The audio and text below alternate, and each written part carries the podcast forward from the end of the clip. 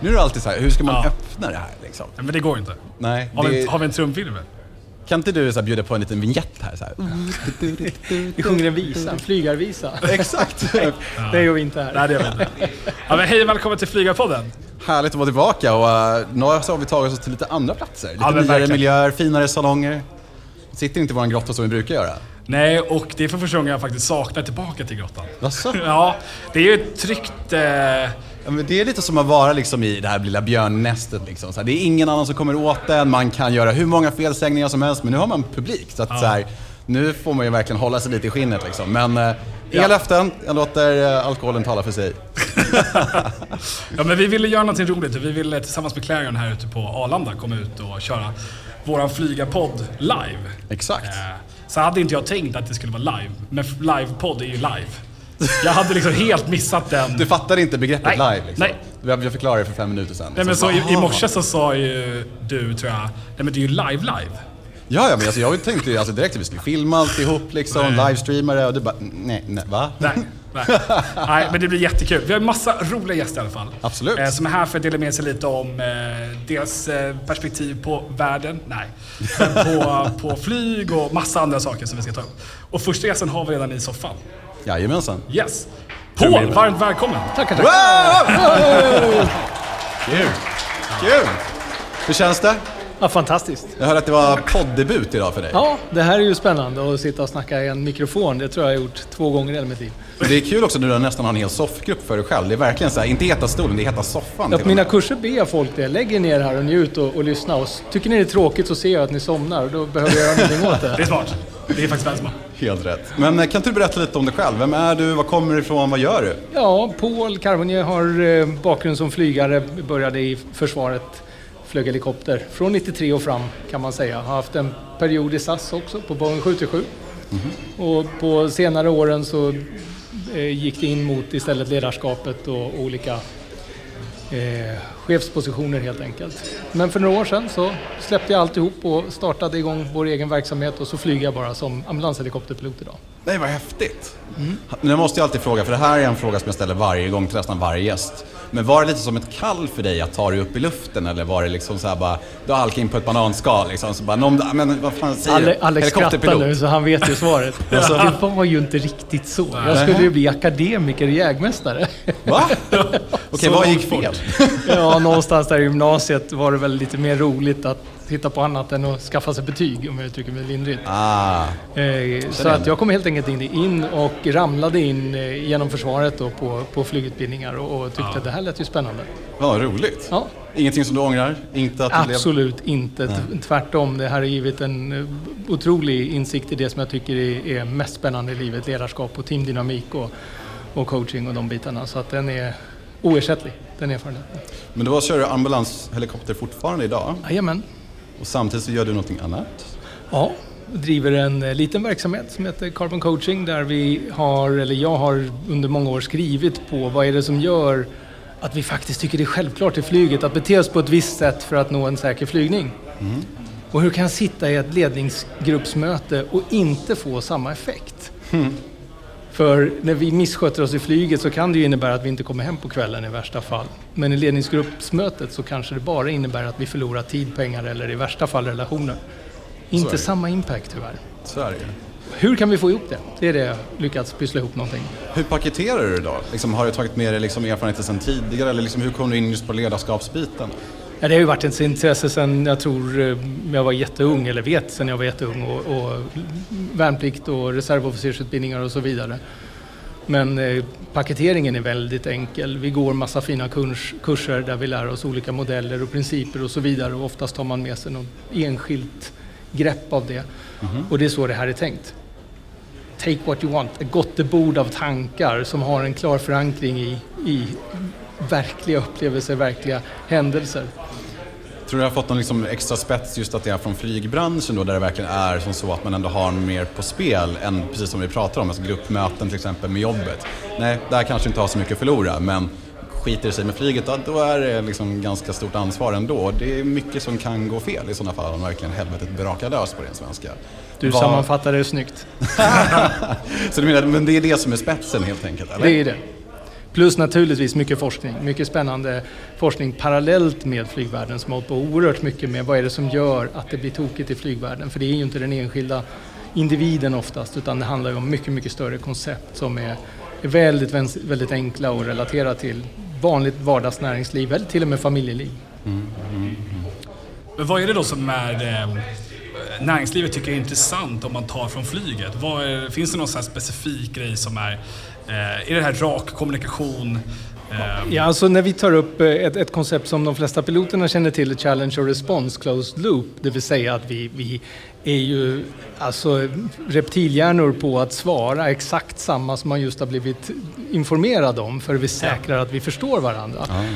Som vilken pilot som helst skulle säga, ja självklart vad är problemet? Mm. Och sitter vi på ett, eh, ett gruppmöte någonstans i någon verksamhet så kanske man inte får samma klassning om vi uttrycker oss lindrigt.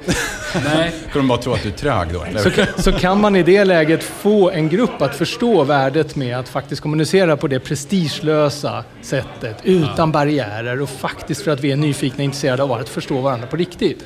Så vi lägger den tiden här nu, sen går vi ut och producerar och sparar tid och pengar och får fantastiska relationer det är ju en, en, ett exempel på hur Och den här frustrationen där, att vara, vara orolig. Har, har Fredrik förstått vad är det jag vill? Liksom? Har du förstått det? För det jag vill då, det är att du svarar mig och säger check. Ja, men det är klart, men samtidigt så är det ju, så vitt jag ser i alla fall i näringslivet, så är det mycket så här bomull och fetvadd liksom, om människor. Att man inte får ha kanske direkt kommunikation längre. Eller är det bara min bild från mina tidigare arbetsplatser som, som har varit så? Liksom? Att det, det har inte gått så, så bra för Fredrik i arbetslivet. Ja, det, du ser, jag sitter ju här. det, den var elak, nej eller? det är på den nivån som vi brukar ha det. nej, men det är ju framförallt den prestigelösheten som framträder väldigt tydligt i, i pilot och flygvärlden generellt att den får inte finnas där. För det får så oerhörda konsekvenser medan i ett vardags kund, leverantör, whatever, ja. möte, ledningsgruppsmötet. Jag törs kanske inte leverera en okunskap till dig. Nej, det, det blir inget bra idag. Men flyger vi ihop, då gör vi det gärna. Ja. Men, då, men då sitter ju alla i samma båt på ett helt annat sätt också. Hur kan det vara liksom att anpassa det in till en verksamhet då? Att få alla att känna att vi gör det här tillsammans. Vad, vad, vad brukar ofta skon klämma? Vad är det för problem som du kan liksom analysera från... Ja, ett, är, är, ett av många är det här många arbetar med eh, laget för jaget. Ja. Men det bygger på något rätt viktig faktor och det är att jag förstår att jag är en del av laget. Mm. Att min, om jag går in med en attityd eller ett beteende i ett lag, oavsett vilken konstellation, som inte riktigt överensstämmer med vad vi är på väg, då är vi inget lag. Nej. Så det är inte vi, vi ska ha roligt. När jag ska bestämma mig för vad jag gör som blir roligt, så kanske du gör det också åh, vad nice, vi har riktigt kul ihop. Det börjar i den individen. Mm. Eh, coachade ett, ett sportlag och, och, började med att fråga dem, vem är viktigaste laget? Och man tittar ofta på eh, lagkaptenen eller tränaren? coachen, visst. Och det var väldigt spänd, konstig känsla. Ja. När jag frågade dem vid tredje mötet, vem är viktigaste laget? Då räcker alla upp handen. Och just att kunna göra det och förstå sin värde i gruppen utan att det ska vara drygt eller cool eller, eller eh, breda hängslen och, och bäst, utan bara förstå sån innerlig vikt det är att komma in nyast i laget, sämst i laget, men du väljer att vara del. Du väljer att följa de procedurerna vi har, vi har valt att jobba tillsammans. Du väljer att stötta någon individ som inte mår bra, etc. etc. Alla de egenskaperna. Men om du träffar på ett företag till exempel som eh, Säg att de har haft en rekonstruktion, de har sparkat majoriteten av personalen, de kanske till och med nu har återanställt massa ny personal. Och säg att man kanske har tappat lite sikt på det här gemensamma företagsmålet. Var, var skulle du börja någonstans för att försöka få alla tillbaka på banan? Och alla blir som blir synkade och jobbar i symbios? Det är ju naturligtvis ingen, ingen enkel eh, fråga att svara, men jag hade börjat i, i ledningsgrupp, i lednings i managementnivå för att lyssna av vad är det som händer och varför och vad har vi gjort de här förändringarna. Eh, och sen försöka därifrån bygga en transparens ner i systemet så att varenda individ kan hitta sin position och ha en trygghet i den och förstå vad jag ska göra. Det är, trygghet är ju ett ord vi, vi pratar om eh, tillit och så vidare, väldigt starka ord och rent forskningsbaserat så, så är den absolut viktigaste faktorn i alla framgångsrika team, det är psykologisk trygghet som har en väldigt stor bredd. Den, den kan man prata rätt länge om. Det är inte ha myspysstämning till exempel. Nej. Utan en trygghet i att vi vet vad vi har varandra. Vi kan till och med tycka illa om varandra, men vi jobbar fantastiskt bra ihop för vi vet precis vad vi har varandra. Ja. Men det där är ju svårt känns det som att hitta. Jag tänker i eh, skolvärlden för småbarn. Då pratar man om att eh, första läsåret då, så att första halvåret då, alltså terminen på hösten, det är bara till för att man ska hitta gruppen och liksom eh, vem funkar bra med vem och liknande. Och sen då till, eh, till våren, ja, men då kan man börja liksom komma fram mot målen liksom och liknande. Eh, så det tar ju tid. Ja. Eh, det tar väl tid i en vuxen grupp också tänker jag. Och dessutom går det fram och tillbaks. Det finns ju väldigt Ja. gammal häftig forskning som väldigt tydlig på just hur dynamiken rör sig i gruppen. Ja. Att den helt plötsligt, vi får en ny gruppmedlem. Wow, vi gick till noll. Vi börjar exakt. om i processen och sen går vidare. Men den är svår. Men man kan också se, alltså jag tittar bara på, vi kom, in- kom faktiskt i en sån här diskussion bara för några veckor sedan, jag och några vänner, om hur bra det vore att liksom verkligen ha obligatorisk värnplikt. Nu har vi ju delvis det, f- men vi har inte tillräckligt många som kan träna upp människor i GMU och så vidare. Men att om du inte kanske varit, liksom, spelat fotboll eller någon annan typ av lagsport och sen så kommer du ut i arbetslivet, då har inte du den här riktigt så här, laget-andan. Som jag tror att den och du med bakgrund inom försvaret och sen så som du jobbar nu, givetvis har det. det är, för dig är det så självklart, men för så många andra, liksom, i alla fall i, i vår generation, så kanske det inte är lika självklart. Vad, eh, vad gör man åt oss? jag menar, men det är svårt att lära en gammal hund att sitta, tänker jag. Liksom. Men vad, vad ska man börja om man känner som individ att jag kanske står utanför den här bubblan utav laget och kanske vill komma in? Eller att jag är en arbetsledare som vill kanske sammansvetsa mitt team på ett bättre sätt? Laget blir ju det jobbet du får. Det är ditt första lag du kommer in i. Och de referenserna du tar i sport eller i värnplikt eller vad det nu må vara bygger ju på att det redan finns strukturer och tydlighet och en leveransförväntan på vad du ska kunna göra. Och då bygger du en trygghet i teamet ut efter det så att säga. Och kommer du in på en ny arbetsplats och det är ditt första lag om man uttrycker det så, du har ingen annan tidigare erfarenhet, så för, förutsätter det ju naturligtvis att det finns goda strukturer och förväntningar och roller och ansvarsfördelning, hela den biten, som gör att ah, jag vet vem jag är i det här laget. Och då funkar det. Ja, men det, det, alltså det är svårt. Folk tycker att det är intressant med flyget. Eh, och det här med snacket och, och liknande. Eh, och jag vet ju själv, du föreläser ju en hel del ju för folk. Och folk tycker att det är spännande med flyget och liknande. Vad tror du det är som gör att folk från näringslivet tycker att det är intressant? Det här med liksom kommunikation och samarbetet. Eller är det bara det tekniska eh, som är intressant tror du? Jag, jag, vet du vad, jag har jättesvårt att svara på den frågan. Jag har själv funderat så oerhört Ja. mycket på vad det är som gör att det blir lite... Men framförallt så är det ju en väldigt... Alltså, det vi hade som koncept när vi körde igång Carbon Coaching och köpte dessutom helt galet nog en flygsimulator Ja. typ två månader innan Corona satte igång. eh, inte helt smart, men det gick bra ändå. Men eh, hela den biten var att bjuda in i flygvärlden. Ja. Så att du faktiskt får komma innanför dörrarna och ha en relation till människor som finns i den här väldigt stängda och konstiga världen med höga säkerhetsbarriärer och ännu värre efter 9-11 där vi, där vi stängde dörrarna till cockpit. Innan dess så bjöd vi gärna in passagerare och titta lite och, och förstå lite mer. Och Ja, få men få en inblick i er värld. Liksom. Ja, definitivt. Eh, och- de de facto spännande verktyg som finns där för att funka bra ihop. Ja. Alltså jag tror bara, alltså varför folk drar sig till flyg är just för att man antingen blir du fascinerad eller rädd för någonting som du inte förstår. Och jag tror att så här, om du kommer utifrån flyget och inte liksom förstår ja, hur, vad all, alla de här olika knapparna i cockpiten gör eller vad som får flygplanet att lyfta. Jag menar, där kommer ju en naturlig fascination. Så att jag tror att antingen om man är man fascinerad utav flyget eller så är man rädd för flyget. Förstå mig rätt, att man kanske Ja. är flygrädd, att man har andra förutfattade meningar till Ja. exempel som gör att ja, men jag tycker inte om att flyga. Ja, men varför då? Om man, kunde prata med Björn Pinot så skulle han ju säga, jag är helt övertygad om också, att det är för att du inte förstår det. Så att jag tror att den fascinationen ligger nog i det. Precis som vi människor alltid varit fascinerade utav rymden, solen, gudar och alla andra typer utav övernaturliga väsen som flyg är. Nej, För Fredrik är ju flygrädd. ah, lite grann. Han var flygrädd. Jag var. Jag Men var sen- flygrädd. nu- Och du har inte löst det Alex? Jo, men jag tycker att vi har det. Du, ska du suga tycker- åt dig ära Ja, för det här? förstod inte jag heller. Ja, det, är, det är gulligt alltså, men det är, det är inte du. Vem Jag är skulle, det då? nej men det är nog Björn alltså. Det, det skulle jag absolut säga. Men det är också på grund av gästerna. För som ändå så här, kan för mig, precis som jag sa, jag kunde inte förstå det. Jag förstod inte hur det funkade liksom. Hur ska det här planet liksom kunna ta sig från andra sidan Atlanten liksom här, här från Europa. Det liksom går inte ihop i mitt huvud rent logiskt. Så jag tror det var därför som jag ändå kunde känna mig lite flygrädd. Ja, ja. Särskilt börjar jag bli äldre, det är bättre att känna sig dödlig, orolig och allt sånt där. Liksom. Men så måste det ju vara. Ja. Det, det finns liksom ingenting annat. Ja, men det är stora framsteg. Absolut, baby Ja. steps.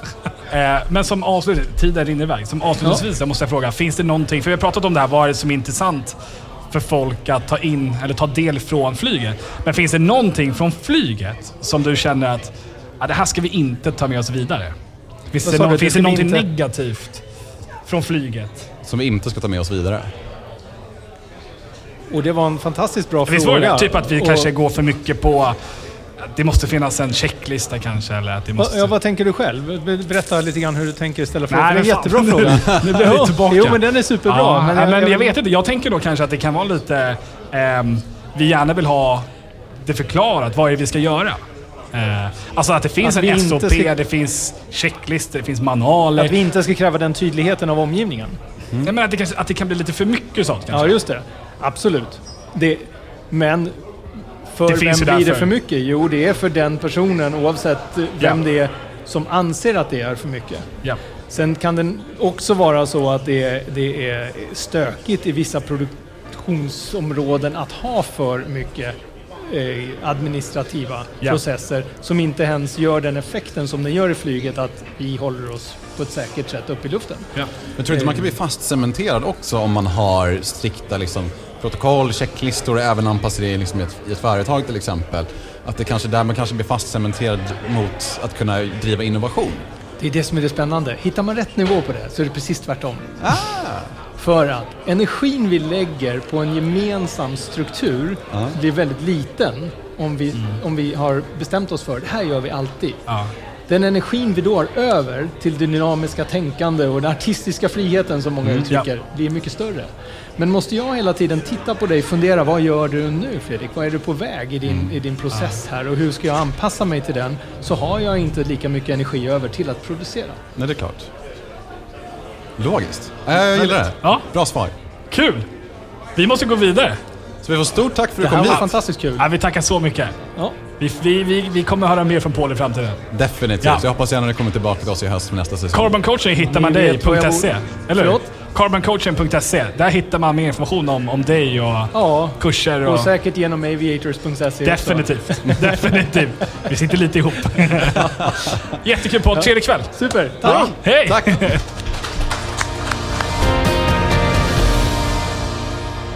Han står och minglar. Eh, Från Clarion, Björn, varmt välkommen! Wow! Massa som tittar på mig. Jag behöver också en kudde. Vart du nervös nu? Nej, det är ju premiär för podd för mig. För dig också? Ja, ja, ja. Två i rad, Eh, och det är ju nästan premiär för att lyssna på podd också. Asså? Du är... Naha, Men jag är ju old school, jag läser tidningen och sånt där. Okej, du är mili- militant motståndare utav podcast. Nej, det är jag väl inte. Men, men, men jag har inte riktigt, eh, jag har nog inte riktigt liksom eh, embraced it. Nej. Så att det, eh, men det ska bli kul. Ja, men vi sätter väl prägen här helt enkelt på resten av din poddkarriär. Ja, precis. Men Perfekt. kan inte du berätta lite om dig själv? Vem är du? Vad gör du? Eh, Jag heter Björn Kalin och är hotelldirektör på, här på Clarion Arlanda Airport. Ja. Eh, Och har varit här sedan augusti 2019, så jag har ju varit med liksom i hela den här fantastiska resan vi har haft genom hela pandemin. Och det vi har ju varit likt flyget. Vi, vi tappar 95% av vår omsättning på tre veckor. Eh, och det är klart med all personal kvar och ja, det har varit en tuff tid. Men eh, nu ser det ut att liksom ljusna ganska bra. Ja. Eh, och mig som person, jag, eh, jag älskar att resa, jag älskar att bo på hotell eh, och därför gillar jag också att flyga. Eh, för att man ska resa långt, då måste man flyga. eh, men jag gillar även att åka tåg och jag gillar att köra bil också. Så att jag gillar att Han resa. som har att resa och röra sig. Ja, precis. Det är Eh, rimligt. Nu sa du ingenting om en båt. nej, båt är inte så mycket. Jag Nej. tycker det går lite långsamt. Inte såhär Finlandsfärja och Nej, inte Lasse Finlands, Stefans. inte, in, nej, inte Finlandsfärja. Crocs? Vad sa du? Crocs? Tumme upp, tumme ner. Ja, ja, det kan funka hemma mellan dörren och brevlådan i soptunnan. Men annars så tycker Det jag var att... ett väldigt bra politiskt svar. Men Björn, vi måste fråga. Är det någon skillnad och vad? För du var på Quality Solna förut eller? Ja, jag, jag har ju drivit många hotell. Jag, Ja. det här är, ju- ja, jag, eh, jag har varit eh, i bolaget sedan 2004 så att jag har Ja. faktiskt drivit även Arlanda stads Quality Hotel en gång i tiden. Ah, okej. Så jag har varit på flygplatsen tidigare. Ja. Eh, Men jag kommer från, eh, direkt härifrån kom jag från Clarence Stockholm. Så Okej, innan det var okej. jag på Friends. Och där var det lite speciellt för Friends drev ju både hotellet och arenaverksamheten. Så att vi drev ju en, en, en mat och, eller en korv och ölverksamhet kan man väl säga. Samtidigt. Samtidigt. Nice. Ehm, ehm, Saknar du det då? Nej. Det kanske finns något så här litet bryggeri här någonstans som inte vi vet, vet om? Ja, det, det, det var väl de som tjänade mest pengar. Vi tjänade inte så mycket pengar på den verksamheten. Men, men eh, den har vi lämnat eh, vidare till någon annan. Men är det någon skillnad eh, att, att bedriva ett hotell på en flygplats? Det måste ju vara. Oh ja. Om, man, om man tänker sådär att flödena kommer ju extremt sent. Mm. Alltså, vi brukar ibland skoja och säga så att de bokar efter de har bott. Eh, Okej. Så det, det, Ja. Man kan väl säga så här, att, att boka på 100-150 rum med innevarande dag, det är inget konstigt. Men det sker inte på ett vanligt hotell som till exempel Friends. Då, det man har när man går in på eftermiddagen, det är det man brukar ha när man stänger böckerna för natten. Men här eh, är det lite annorlunda. Eh, sedan så är det ju också det här att det är ju alltid en puls. Ja. Eh, folk checkar in klockan tre på natten eller checkar ut klockan fyra på morgonen med en frukostpåse i handen. Eh, eller går ner och äter frukost faktiskt redan klockan fyra på morgonen när vi öppnar frukosten. Ja, ni har öppet från fyra? Från fyra, full Ja. frukost med omelettkocka och hela kittet. Nähä? Jo, jo. Hade ingen aning. Det är ju frukosttid för dig Fredrik. Ja, nej, jag brukar gå och lägga mig vid den tiden. Men det, Men det kan ju vara skönt att liksom Men en liten kvällsmacka blir det avsluta för mig med istället, en liksom. omelett där exakt, vid fyra. exakt. Det är trevligt faktiskt. Ja. Men eh, okej, när, när du började här, det var ju mitt i utbrytandet då utav pandemin, eller? Vad sa du? 2019? Nej, 2019, så jag fick ett halvår där med all time high och det var fantastiskt. Och det, allting var bara guld och gröna skogar och, och vi, eh, vi klarade av januari månad och sa så här, det här, den här budgeten, det är inga problem, det här kommer vi klara lätt. Och sen började någon prata om något virus i Kina, så kände vi så här, äh, men det kommer gå över. Ja. Ja, eh, I mars var det ju ett faktum. Eh, Och, och, och det är klart, det har ju varit en tuff tid. Men å andra sidan så är det ju så att vi har ju lärt oss mycket i den här, i den här tiden också av att kunna drifta i små, små organisationer, kunna också hitta eh, nya marknader. Så det har ju varit en rätt spännande tid egentligen. Men hur gör man den omsvängningen då från att ni kanske har tappat 95% av bokningarna helt plötsligt? Liksom, vad, vad gör ni då? För det här ligger ju ändå lite off så att säga om man inte ska resa någonstans. För det här är liksom, en- som jag ser det i alla fall, en så här, ett pitstop när man ska resa. Eller om man är på resande fot. Liksom, vad, vad gjorde ni liksom? Vad, vad var det som hände bakom stängda dörrar? Ja, så det, det, det blir ju en, det blir ju en, om man kallar det för en damage control. Eh, det är ju, framförallt så är det ju tyvärr mycket att säga upp människor. Eh, och, och ganska fort då. För att det, det, det är ju, lönsamheten på hotell är ju inte jättehög. Eh, så det var ganska fort att göra det och sen så var det väl egentligen att titta på hur, hur ska vi leva med eh, en, en omsättning som kanske är 5-10 procent. Eh, vi trodde ju först inte att det skulle gå ner så mycket. Vi tänkte så här, ah, i mars är det igång igen i juni. Ja. Och så, nej, det är igång igen i augusti. Så höll vi på så, sen slutade vi hålla på så. Så sa vi, nej men det, det, det kommer igång när det kommer igång. Ja. Ehm, men det är väl egentligen det som man la mest tid på. Eh, och, och försöka vårda den och hålla kontakten med den personal som faktiskt blev uppsagd. För att se till att när det väl vänder att, vi, att de är villiga att komma tillbaka. Såklart. Eh, många hittar ju nya arbeten, eh, tyvärr inte alla förstås. Och vi jobbar ju ganska mycket med människor som, som är längst ifrån arbetsmarknaden.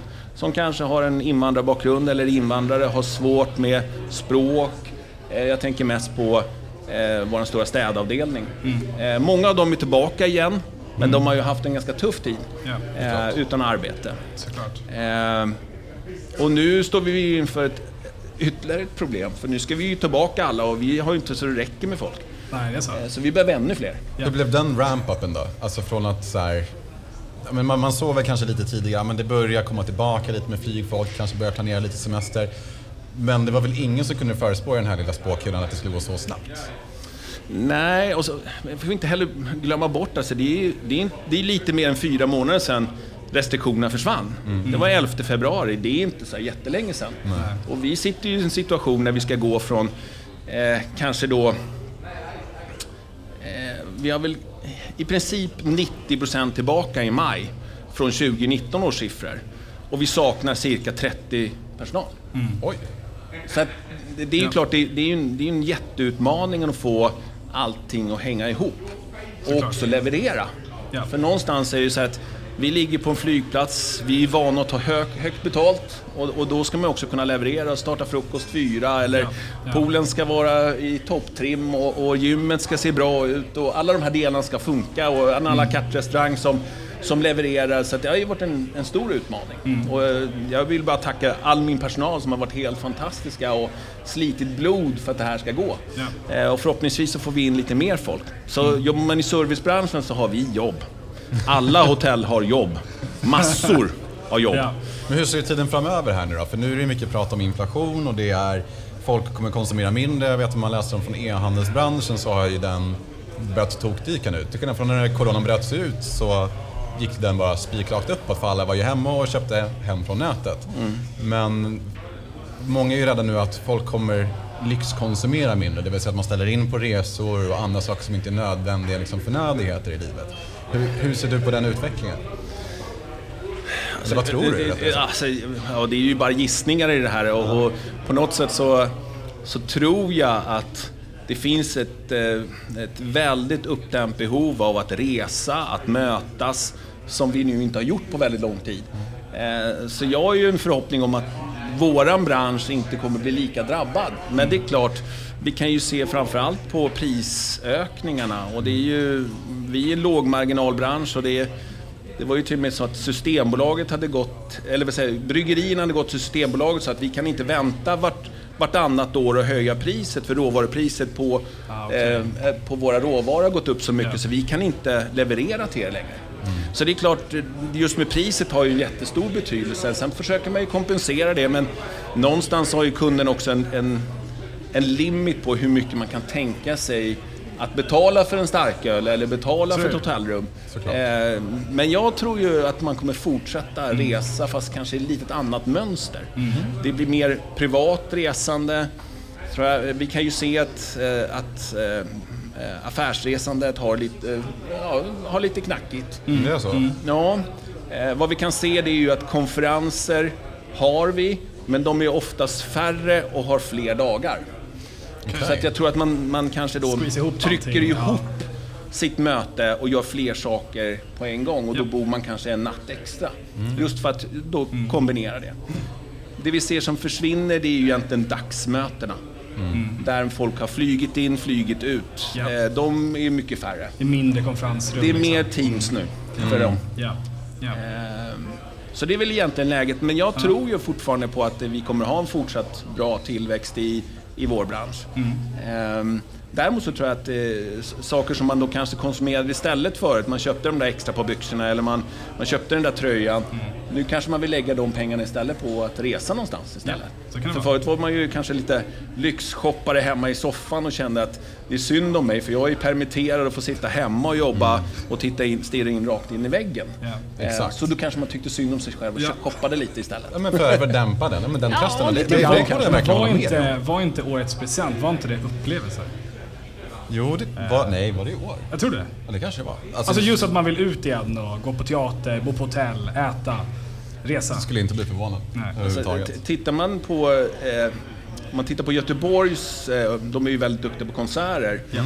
Och där har man ju extremt med, det här är det bästa konsertåret på tio år tror jag i Göteborg, alltså. i år. Så det är enormt mycket konserter i Göteborg. Ja.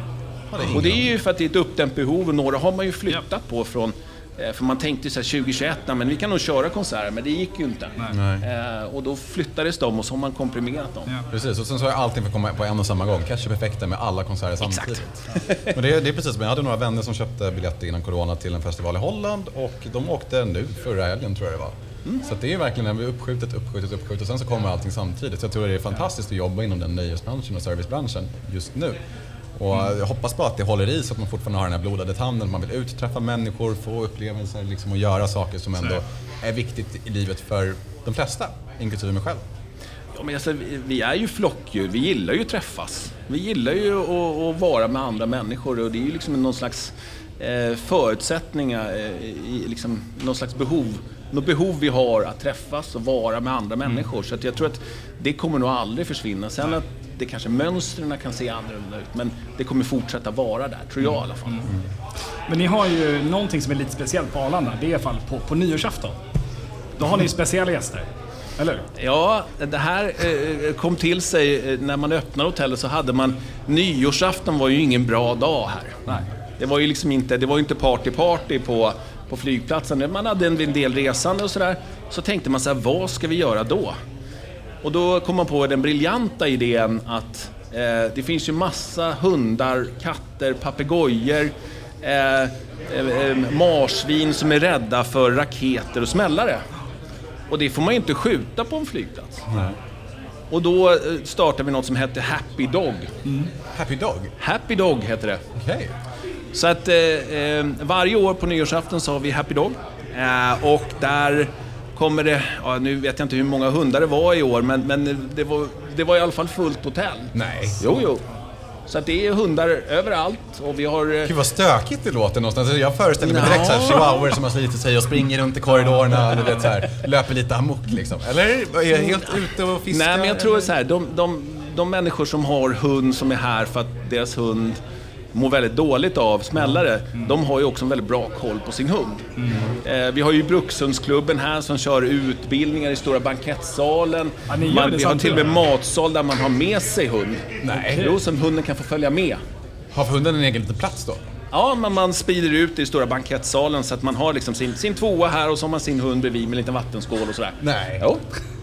Så Alltså att, det eh, kan ju vara det mest så här, heartwarming thing jag har hört. Alltså, Ja, det är ganska coolt. Nej, men det är helt eh, fantastiskt. Det är ju hundar överallt. Alltså det måste ju vara hemskt att vara allergiker och jobba den dagen. Ja, man bör, och, man, och man bör ju inte vara hundrädd. Nej, Nej. Jag tror allergiker är ju nog mer, det är lättare än att vara hundrädd. Ja. Ja, jo, jo, jo, Eh, jo. Faktiskt. Men eh, det funkar otroligt bra och det är otroligt populärt.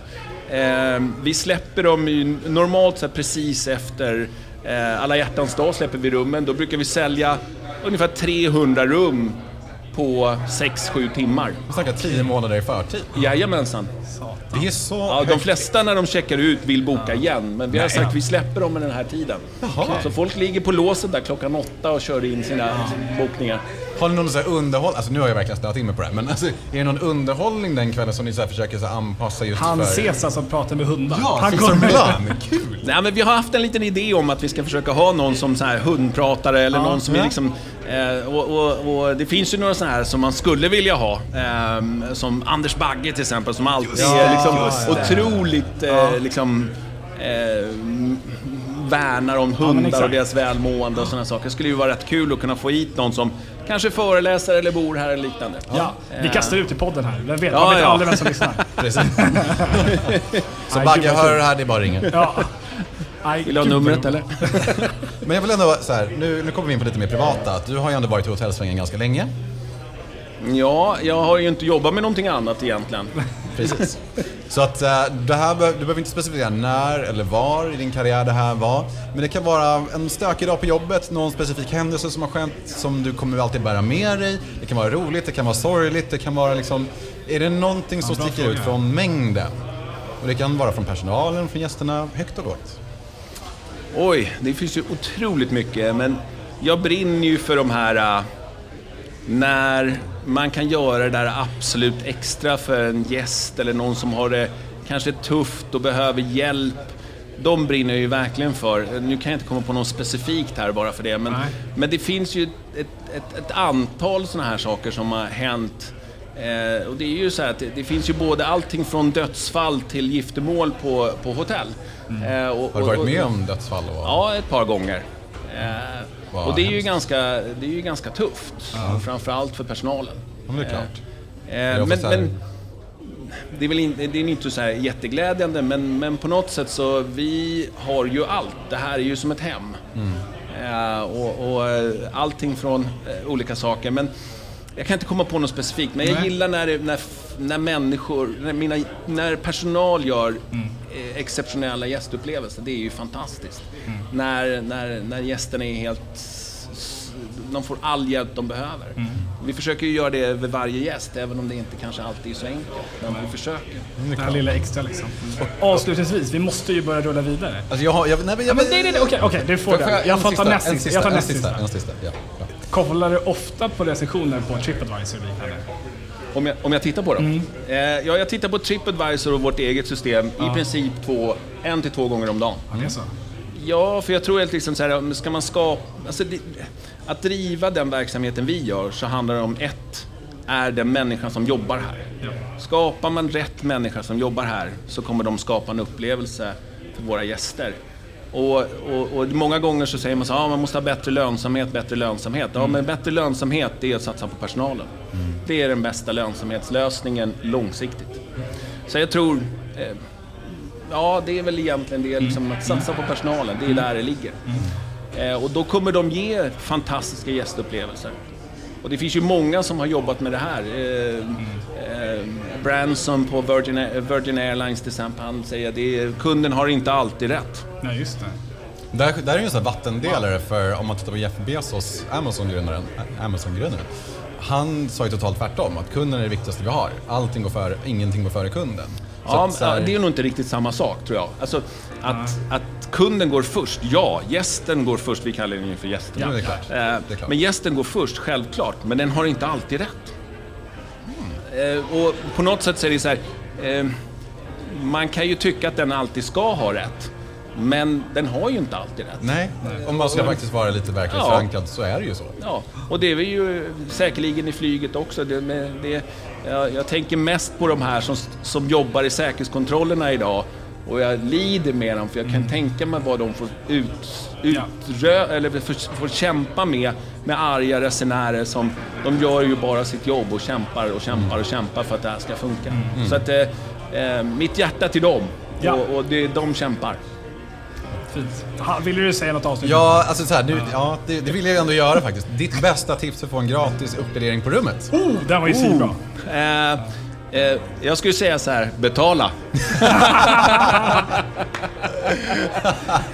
Fair enough, jag gillar Ja, vi, svaret. det. vi tackar dig så mycket Björn för den här tiden. Tack.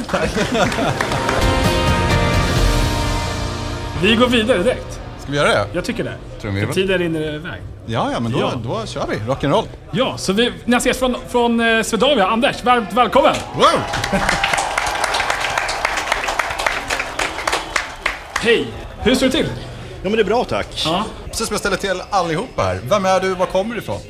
Anders Östling heter jag. Är ansvarig på, för flygplatsen, flygplatschef. Eh, har varit på flygplatsen sedan 2009. Jobbat med flyg hela mitt liv. Men eh, dessförinnan så var jag på militära sidan i flygvapnet. Okej. Precis. Vad häftigt. Var det via lumpen som du hamnade in där? Eller var Ja det- men det blev så för jag gjorde lumpen direkt efter gymnasiet. Och då hade man inget jobb att gå tillbaka till utan då var det ganska naturligt att fortsätta. Ja, men precis. Nästa steg helt enkelt. Precis, yes. Så, så vad är det som är så intressant med flyget då, som gör att du har hängt kvar? Det som lockade mig då när jag var yngre till flyget, det var tekniken. Jag har egentligen aldrig längtat efter att vara pilot eller flyga, utan det var tekniken. Jag är ingenjör i grunden, civilingenjör inom flygteknik, så Okej. att det, det, var liksom, det var det som lockade mig. Ljudet, motoren.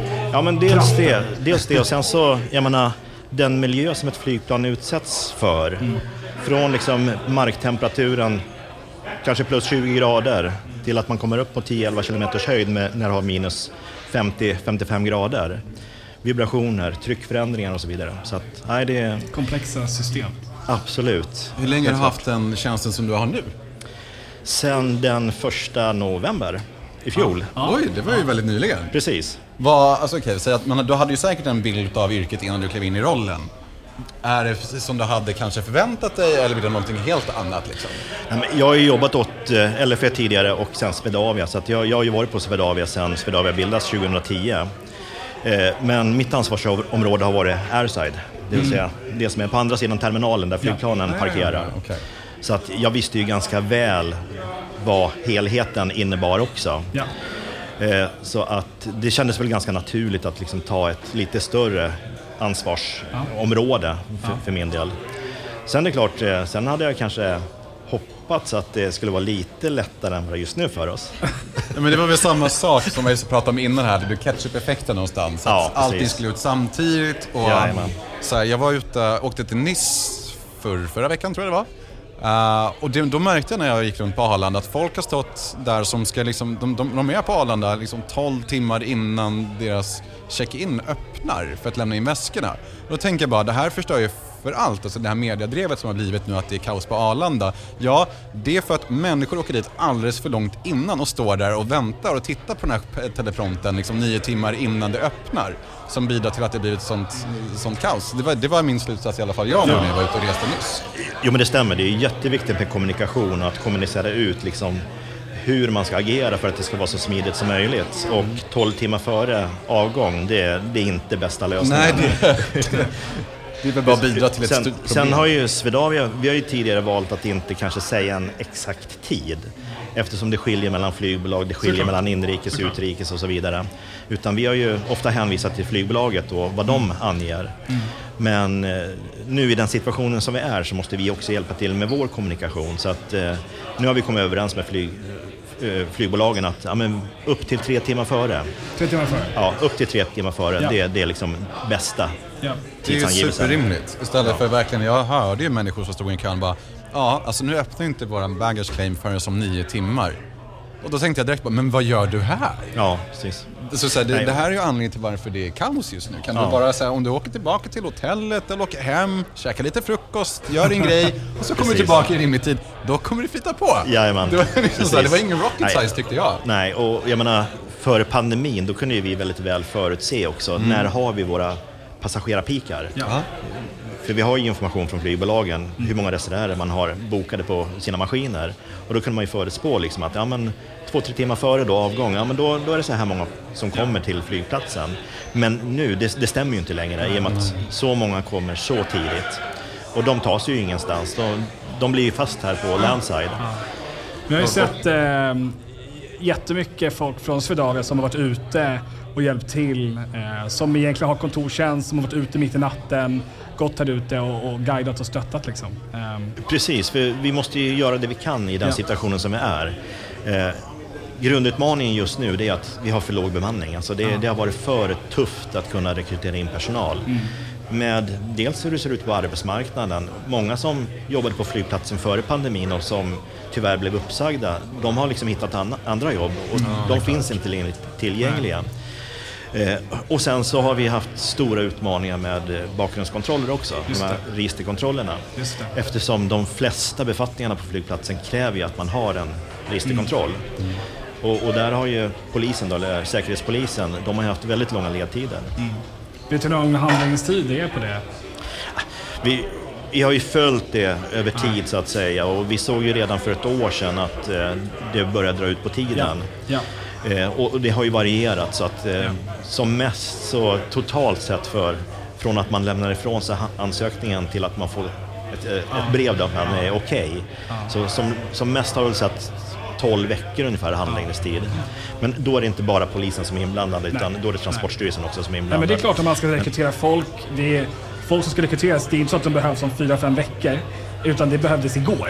Ja, precis. Eh, och då jobbar man med den här stressen hela tiden. Släcka bränder i stort sett. Ja, det, det är så klart är att det det är fysiskt Och, påfrestande. och, och jag menar, om, det, om du inte har ett jobb innan utan att du står till arbetsmarknadens förfogande så, och, och så får du ett val. Du kan börja jobba på måndag Ja. om du jobbar Ja. på det här företaget i stan.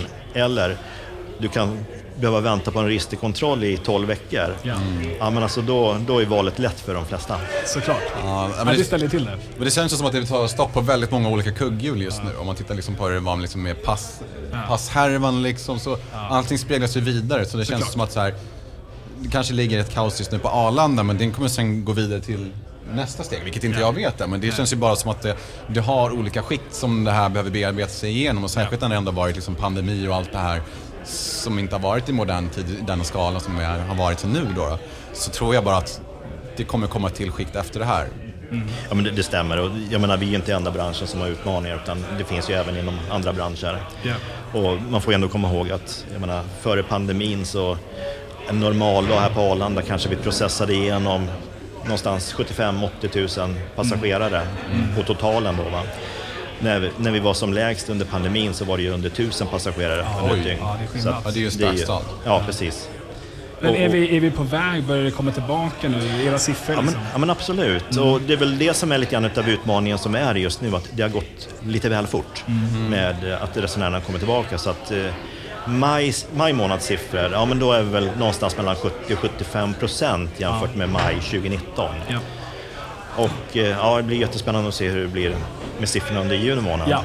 Yes. Men jag tänkte ställa fram samma fråga till dig som jag ställde till vår tidigare gäst. Är, om du får sitta med din spåkula här nu då och liksom try to predict the future. Vad, hur tror du kommande halvår kommer att se ut? Kommer det liksom fortsätta resa lika mycket? Kommer det resas mer? Kommer det resas mindre? Och du tänker mycket på den finansiella situationen som vi sitter i i världen med ökad inflation och annat. Precis, jag menar det som vi kommer se under sommaren, de resorna är ju oftast redan beställda. Ja. Så att, eh, jag tror vi kommer se ett ganska högt, en hög nivå på resande under sommaren. Eh, För då är det ju semesterresandet och Ja. där, där tror jag där finns det ett uppdämt behov i och med att det har varit svårt eller i princip omöjligt att resa under en par års tid. Så jag tror att det kommer vara jättehögt tryck under hela sommarperioden. Och sen till hösten då, ja det är ju jättesvårt att sia om vilken påverkan får eventuella kommande ränteökningar, hur, hur påverkar inflationen och så vidare. Så att Ja. hur mycket vill familjerna safea med sina pengar? Precis. Ja, Precis, för som du sa, det är ju, off, det är ju mycket privatresenärerna. Ja, Och det är ju nu, och sen blir det ju vecka 44 då. Ja, jajamän, precis. Men det som är intressant det är ju att igår öppnade vi upp terminal 4. Som idag går under namnet C-piren. Stämmer, Ja. det, det stämmer.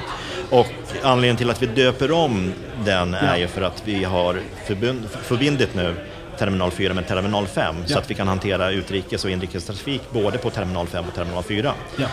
Under pandemin så då koncentrerar vi all trafik till terminal 5 så att då har vi ju kört både inrikes och utrikes i terminal 5. Ja. Men nu gör vi liksom motsvarande steg även med terminal 4. Just det. Så ingen mer inrikes på 4? Nej, nej, alltså den gamla inrikesterminalen Den är- 4 kommer inte komma tillbaka. Ja. Utan nu har vi ju startat igång verksamheten i terminal 4 under gårdagen som du sa. Vi har flyttat över första bolaget, Ryanair. Just det. Och eh, sen har vi byggt och invigt också förbindelsegång då mellan terminal 4 och eh, terminal 5. Vilket gör att du kan passera på insidan. Att du Ja. behöver inte gå ut och passera in genom säkerhetskontroll på nytt om du ska Just det. flyga Just det. eller transferera då mellan terminal 4 och terminal 5. Men eh, märkte ni någon skillnad från igår när ni öppnade upp fyran då? Eller C-piren? För där man kan gå igenom securityn där också nu va? Ja, stämmer. Blir det någon... För- ehm, Någon lättning i flödet liksom. Ja, men det stämmer. Och vi får väl kanske vänta några dagar Ja. till liksom, innan vi ser effekten av det hela. Men det är ju helt klart så att vi flyttar ju över en volym som annars skulle hanterats i terminal 5. Mm. ja. Och tittar man på antalet flighter per dag så är det väl kanske någonstans runt 25, kanske upp mot 30 avgångar som vi flyttar över från terminal Okej. 5-paketet till terminal 4. Och hur många är det per, en, på en dag? För mig som inte, jag kommer ju inte från flygbranschen, jag har inte riktigt så här, den Nej, insikten. precis. Hur många Och- flighter kan det röra sig om en dag? Jag tror att totalt sett nu så ligger vi någonstans på 300-350 avgångar Okej. per dag. ja. Det är ändå många som man kan skeppa vidare då. Ja, precis. Jajamän. Fantastiskt. Yes. Så det är mycket folk som ska passeras. Ja, men det är det. Och, och som du nämnde, fördelen också nu är att det, vi har flyttat både incheckning och eh, säkerhetskontroll till fyran, bara just för att avlasta femman. Ja. Ja, det är klart. Men det är som en temporär lösning, Ja. det är inte det vi ser på lång sikt. Nej, nej. Men om man tittar på lång sikt då? Eh, vad, vad finns det på Arlanda i framtiden? Ja, men tar man det som ligger närmast till hands, då är det ju den nya säkerhetskontrollen i terminal 5. Ja. Och då den marknadsplats som vi håller på att bygga. Okej.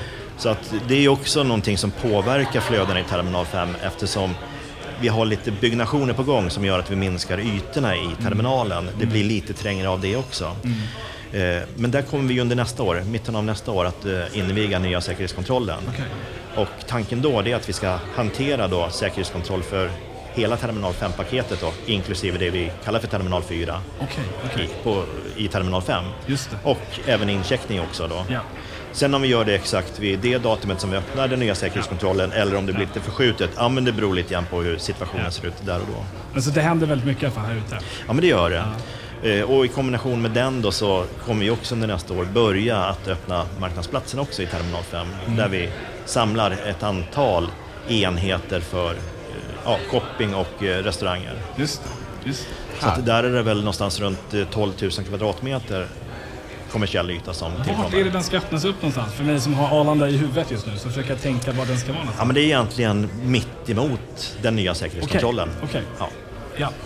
Jag måste, jag måste ställa en fråga här. Jag vet inte om det är du som har koll på det, jag vet inte. Men jag vill bara slänga ut frågan här. För när jag var nu och åkte till eh, Frankrike här för två veckor sedan så hörde jag att de ska stänga Pontus in the Air. Det känns Det tufft. stämmer. Ja, det känns tufft, det förstår jag. Kommer, alltså, kommer det komma någon annan på någon annan yta? Liksom, vet någon sån här tisseltassel som sitter även här i publiken, någon som kan berätta någonting för mig? Kommer det komma en ny lunch? Ingen aning. Ingenting som vi kan Nej. kommentera här och nu. Utan att, att det sker förändringar inom det området beror på lagstiftning. Att vi behöver göra upphandlingar, så det är koncessionsupphandlingar som behöver genomföras. Ja, ja, jag fattar. Och resultatet av de upphandlingarna, ja men det får vi se. Ja. Låter det vara osagt. To be announced. Jajamän, precis. Kolla vad Det kan vara någonting att prata om Lite senare. lite senare också. Härligt. Ja. Vi, vi säger tack så hemskt mycket för din tid. Tack. Jättetrevligt att få Tack en inblick i vad som händer. i Tack dessa så mycket. tider. Stort tack! Tack! Ha det bra! Hej! Alex här från Flygarpodden igen. Förlåt att vi avbryter mitt i. Vi vill bara säga att vi har lanserat vår simulator som vi har som är en en full scale Boeing 737-800 simulator som är helt fantastisk. Och det går jättebra att boka en testflygning där man får lära sig lite grann grunder kring hur det är att flyga ett större flygplan. Men det passar också fantastiskt för dig som är pilot idag och som ska förbereda dig inför en pilotintervju till exempel. Vi har de flesta scenarierna som flygbolagen faktiskt använder sig av. Så vill man någonstans lite komma väl förberedd, ja då rekommenderar jag att du kommer och bokar en timme eller två hos oss. Och det gör man via aviators.se shop så hittar du allting som du kan tänkas behövas där. Alright, men då, då kör vi igen då. Då kör vi, ja, det är väl hög tid för oss att dra upp nästa gäst. Ja men det är det och det är någon som har varit här tidigare. Och den personen är kanske lite nervös just nu. Den förväntar sig att få komma upp hit upp och få prata lite grann. Men det den inte vet om det är att att Den har inte varit med på schemat, så stort varmt välkommen till Elias! Wow! Så, long time no see. Ja men verkligen. Hur har allting gått för dig nu då? Eh, jo men framåt. Du- Absolut. Är du färdigutbildad nu? Inte riktigt än. Har eh, ungefär eh, två månader kvar på avflygning och eh, sen så ska vi ut på praktik. Kul! För du var ju hos oss i höstas. Ja. Det var ju ett ganska bra tag sedan, nio månader sedan. Ja. Så vad har hänt sedan dess? Du har klart lite teoriprov. Ja, jag skulle inte säga lite utan många teoriprov. Många. Nu är teorin klar, vilket Härligt. är sjukt skönt. Ja. Det har blivit mycket tid över. Ja. Eh, Så nej men det har varit full fart med teorin när den höll på och sen flygning parallellt med det och nu är det bara flygning då. Så nej, det är jättekul. Det goda livet. Hur många timmar har du rakat upp nu då? Oh, jag vet inte, men eh, typ eh, 60-70, något sånt där. Jäklar, det är inte dumt alltså. Nej men du ska upp till dubbelt på några månader till. Ja, precis. Men eh, du har också varit i Thailand. Det syns ju på Ja, brännan i alla fall. Ja. Du kan inte ljuga för oss, det är ingen solariesäng här inte, utan du har Nej, tagit men privat det- jagga ner till Thailand. Ja, Det jag vill höra är att du fick ju faktiskt flyga business eh, med Finnair. ja Hur var det? jag. Ja, men det var fantastiskt. Ja. Eh, Det var första gången på 350, vilket var en eh, riktigt trevlig upplevelse måste jag säga. Den var förvånansvärt tyst, Ja. eh, vilket imponerar mest på mig.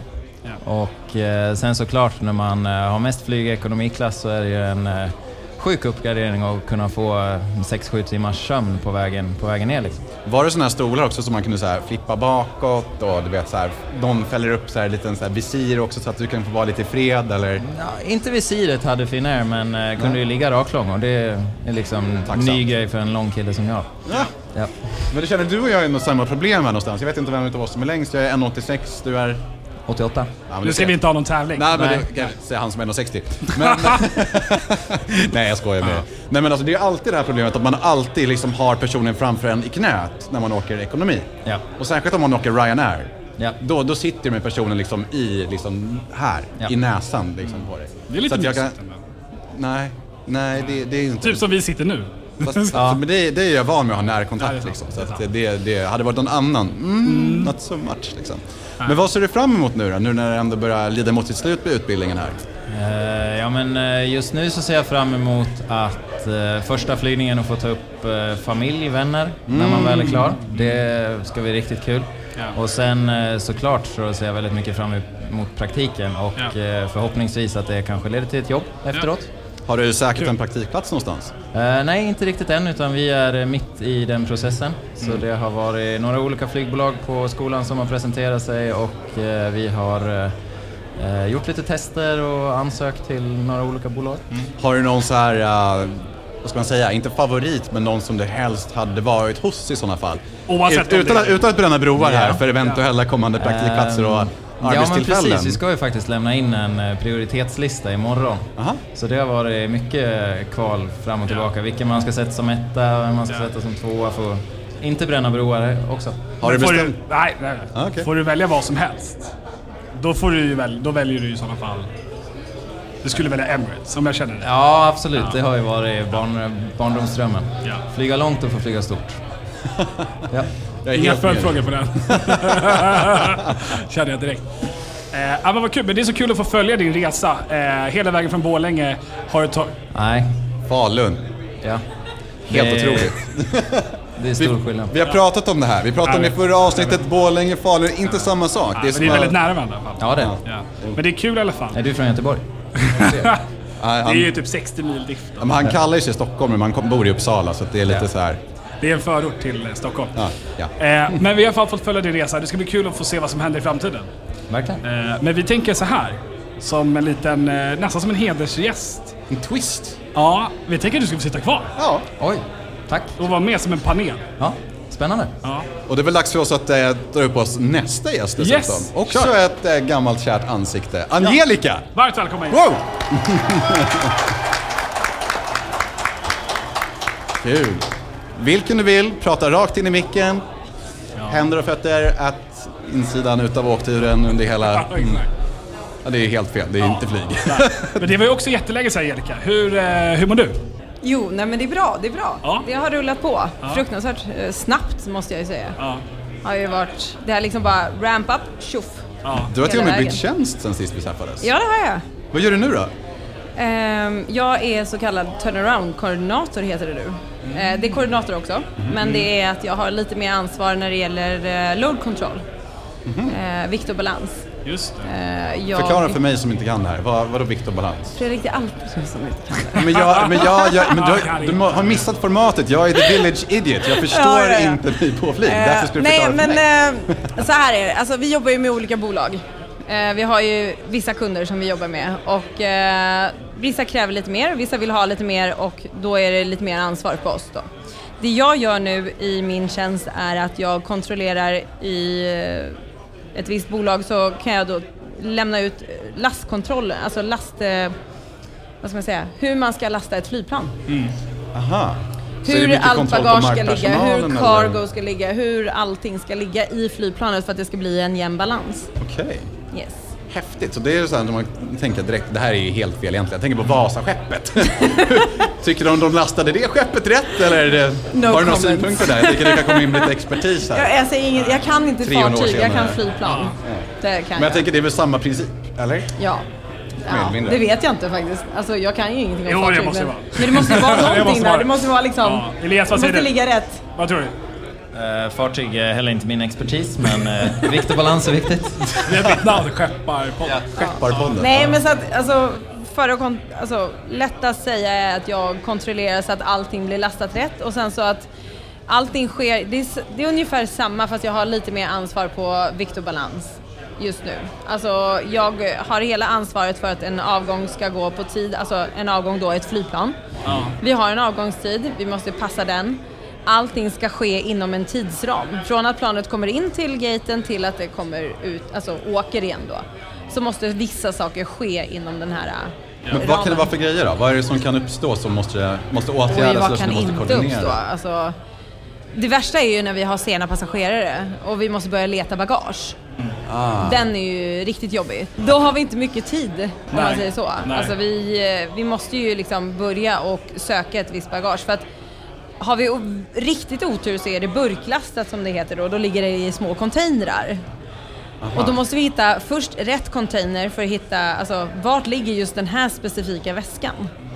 Och då kan det vara så oturligt att den här väskan ligger just i den containern som är lastad längst in. Och då måste vi plocka ut alla containrar Ja, för ja, ja. att komma in i den. Det roliga var, jag såg faktiskt det, när jag säger det för tredje gången i det här avsnittet, att när jag åkte till Nice för en vecka sedan. Jag vill bara... Har du så här, åkt jag- till Nice? Jag åkte. Han har liksom inte rest på hur länge som Men vad helst. fan, lite stolt kan man få väl få vara liksom. Så här. Men för äntligen, du är ute och reser hela tiden, jag är aldrig ute och reser, nu har jag fått ut och resa. Ja. Men där hände det. Där hände det. Vi skulle åka 20 över 6 och sånt där och sen så, så här, ja men nu är klockan liksom 27. Så ser jag att de liksom står frenetiskt och kastar ut väskorna där Ja. liksom. Det kommer hund, katt, farmor, uteplanet liksom. Tills de hittar den här väskan och så säger kaptenen så bara Ja, vi har ju som ni ser så har vi blivit lite sena. Det är inte soluret som har stannat utan det bara är så. Och det är så här att det är en passagerare som inte ska följa med och vi har fått gräva fram bagaget. Så att eh, det är där ty- du kommer in och koordinerar. Alltså. Ja, precis. Och då gäller det att faktiskt veta när, i vilken tidpunkt, när ska vi börja och leta bagaget? Det är mitt ansvar att säga att nej, nu letar vi bagaget. För när ni har hittat det bagaget och det person- no-go. passageraren kommer så bara nej, No go. no go. Är det även så innan ni har hittat bagaget? Så att du har tagit det beslutet, Nej, man det prioriterar på olika sätt ju. Alltså, har man inte hittat bagaget, Det är bara att köra på, det är bara att köra på. har man inte hittat bagaget så är det ju liksom så att man, man, man prioriterar vad som går fortast. Vad är fortast? Har vi hittat det? Ja, då är det tyvärr så. Då är det liksom att, ja men nu har vi hittat och vi har tagit av bagaget till och med liksom. Att, då är det tyvärr så. Och vi kanske till och med har hunnit stänga igen och lastat på allting som vi har fått lasta av. Men har vi inte hittat bagaget då kanske det går fortare att lasta på det som vi har faktiskt plockat ut och sen då få in själva passageraren och då bagaget. Så det, det är mycket sådär att, mycket timing är det. Absolut mycket timing. Men i vikt och balans-situation, Elias, är det i ett litet flygplan? Du är väl ganska kritisk va, med vikt och balans? Ja, absolut. Det räcker väl med att bara kolla på de här senaste tragiska olyckorna som har hänt med fallskärmshoppare. Just det. Eh, där har det ju det varit den kritiska faktorn, att Ja. man har struntat i det. Och då har man fått ja, fel, fel balans i planet och då, då går det neråt. Och jag ska ju poängtera att det är bara vissa som vi har vikt och balans på. Det är inte alla flighterna som Nej. vi har. Utan vi Nej. har ju även då en, en, en, en load control som det heter som styr det mesta. Utan det är bara vissa som jag är en supervisor. Jag har inte kontroll på allt utan det är att jag, vi hjälps åt så att säga. Det är inte mitt hela ansvar. Nej. Och jag älskar ju dramatik här. Och uh, som sagt, det mesta utav min kunskap inom flygbranschen är taget direkt och saxat från Die Hard och andra amerikanska serier. Så att jag tänker, kanske inte från din period i och med att du har varit där så pass kort, men har du fått höra någon annan någon typ en sån här uh, lite dramatisk händelse om med något bagage som kanske hamnar på fel plan eller man kanske har sent i check-inen märkt av att ja, men det är en person som kanske inte bör vara på det här planet som ändå har kommit in med en lite suspekt väska som kanske gled igenom säkerhetskontrollen lite för snabbt. Det var Fredrik i Nice. Ja, Alltså om jag, om jag ska vara ärlig så händer det ju saker hela tiden. Ja. ja, det gör det. ja.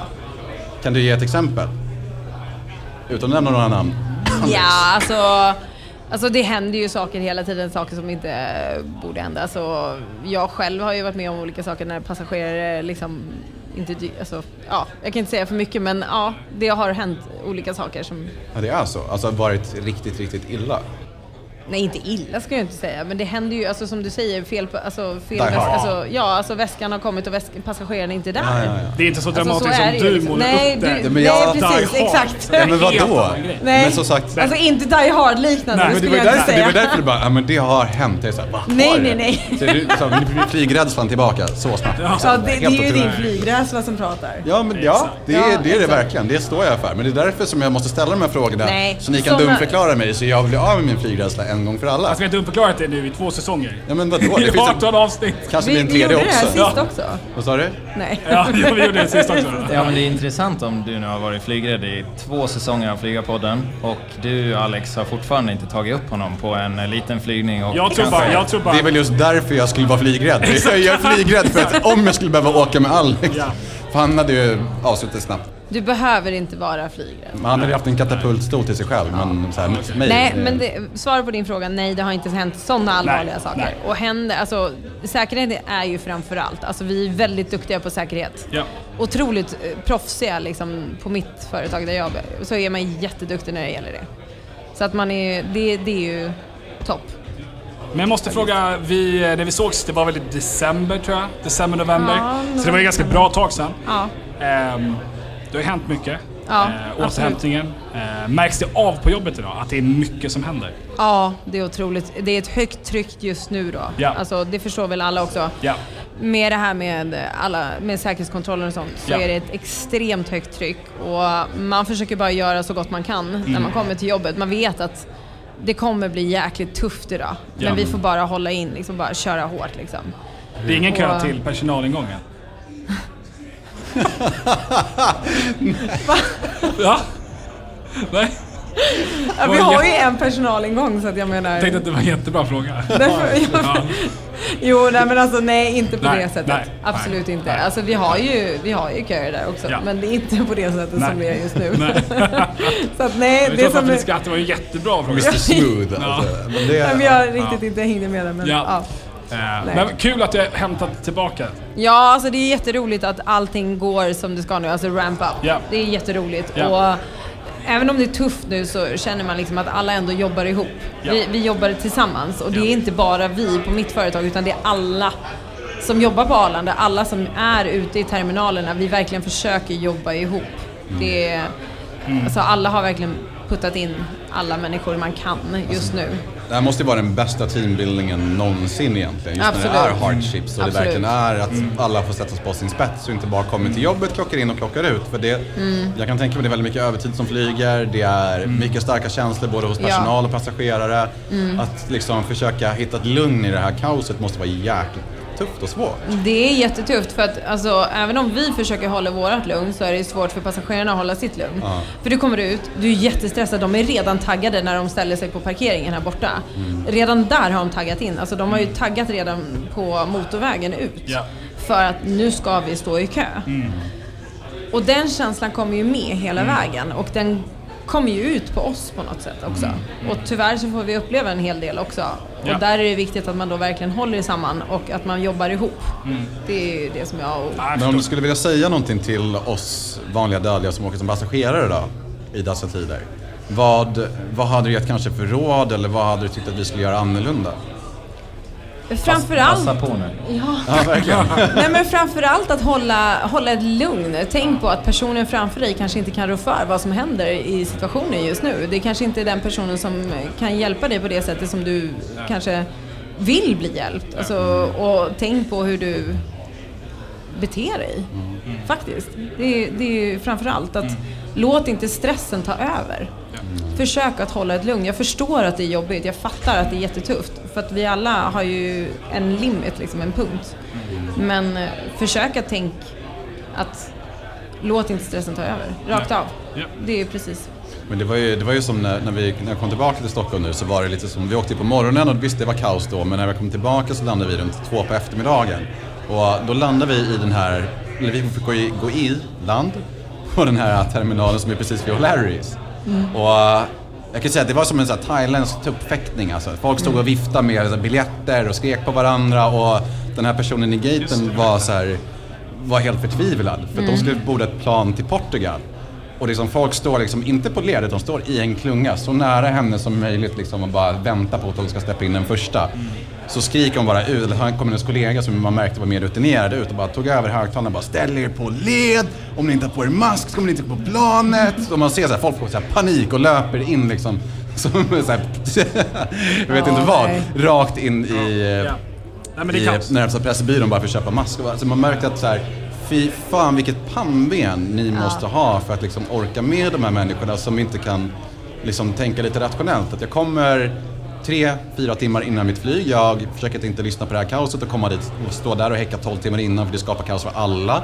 Och liksom bara försöker, precis som du säger, hålla huvudet kallt i den här Mm. situationen. Det är stor eloge till dig och alla andra som jobbar på Ja, Arlanda. tack. Verkligen. Alltså vi har ju kämpat redan eh, förra sommaren så kämpade vi. Och vi har ju kämpat liksom ända fram nu. Och det krävs ju ett stort tålamod. Ja. Alltså otroligt tålamod från alla håll och kanter. Eh, och jag tror att jag tror jag pratar för alla när jag säger så att vi har väldigt kompetent personal och många är väldigt duktiga på att hantera människor. Annars så skulle man ju inte vara här ute Nej. överhuvudtaget. Det gäller liksom att veta hur du ska hantera situationen. Såklart. Och där tror jag att vi är väldigt duktiga på att göra det faktiskt. Många av oss. Och det är tufft. Ja. Det sticker jag inte under stol. Och ibland så tappar man det liksom och bara, nu orkar jag inte. Har vi inte sett de här, eh, den brittiska serien som man kunde se på YouTube? Ja. Eh, De här Gatwick och vid London Luton och så här.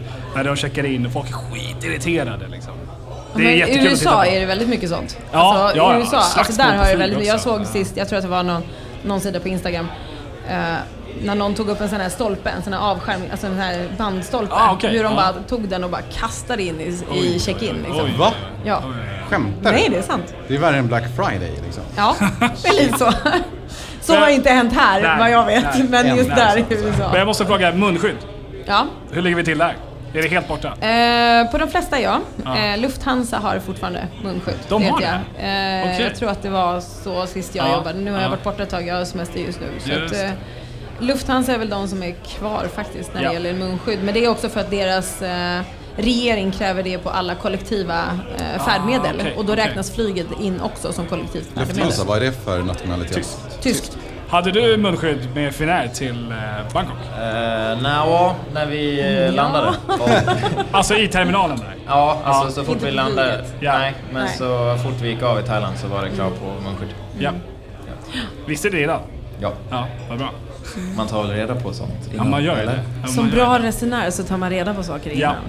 Ja, då får man leta i väskar efter en sån där. Man hade förr liksom. Ja. Men avslutningsvis, eh, Terminal 4, Ja. CP-den. Hur känns det för dig som, som går på golvet och jobbar här liksom? Nej men alltså det är inget annorlunda. Vi har ju jobbat på Terminal 4 förut. Vi Ja. hade ju liksom jättemycket flyg på Terminal 4. Då hade vi bara inrikes och utrikes. När jag började jobba här så Ja. hade vi ju då inrikes på Terminal 4. Exakt. Och vi hade utrikes på Terminal 5. Ja. Det är lugnt, lugnt. och där rasade hela den. Ja. Eh, så det är liksom egentligen ingenting som är Nej. nytt. Eh, det nya är ju att det är ju både och nu. Det är ju både liksom utrikes och inrikes på båda Men terminalerna. blir det någon skillnad i arbetsförhållanden eller någonting sånt för dig liksom? Nej, Nej. det tycker jag inte. Nej. Och jag känner så här, jag är, jag är faktiskt ganska glad att det öppnar för att det kommer ju underlätta väldigt mycket. För att man har ju känt trycket på Terminal 5. Och man behöver det här för att lufta av liksom. Ja. Och det, jag tycker det är jättebra att de ändå öppnar upp nu. Och att det är så att man kan faktiskt ha både och på alla. Alltså både inrikes och utrikes. Ja. Jag tror att det kommer bli en stor fördel. Ja. För vi märkte förut då, det som är skillnaden är ju att det var ju sämre förut. Ja. För att när man kom från inrikes så var du tvungen att gå igenom säkerhetskontroll igen för att komma till utrikes. Vilket du inte behöver nu. Nej. Och det är ju en positiv förändring. Absolut. Och då måste jag också fråga, du som kan ändå så mycket om Arlanda. Den här dolda terminalen som, som finns där men som aldrig används nästan. Vilken Oj, pratar vilken vi om? cliffhanger känner Ja, jag. verkligen. Vadå dold? Terminal 3. Ja. Vet du vad det är? Nej. Nej. Vad är det? Ja men Terminal 3, alltså det är ju liksom, där har vi haft eh, ganska mycket innan pandemin så hade vi Ja. ju väldigt mycket flighter där. Ja.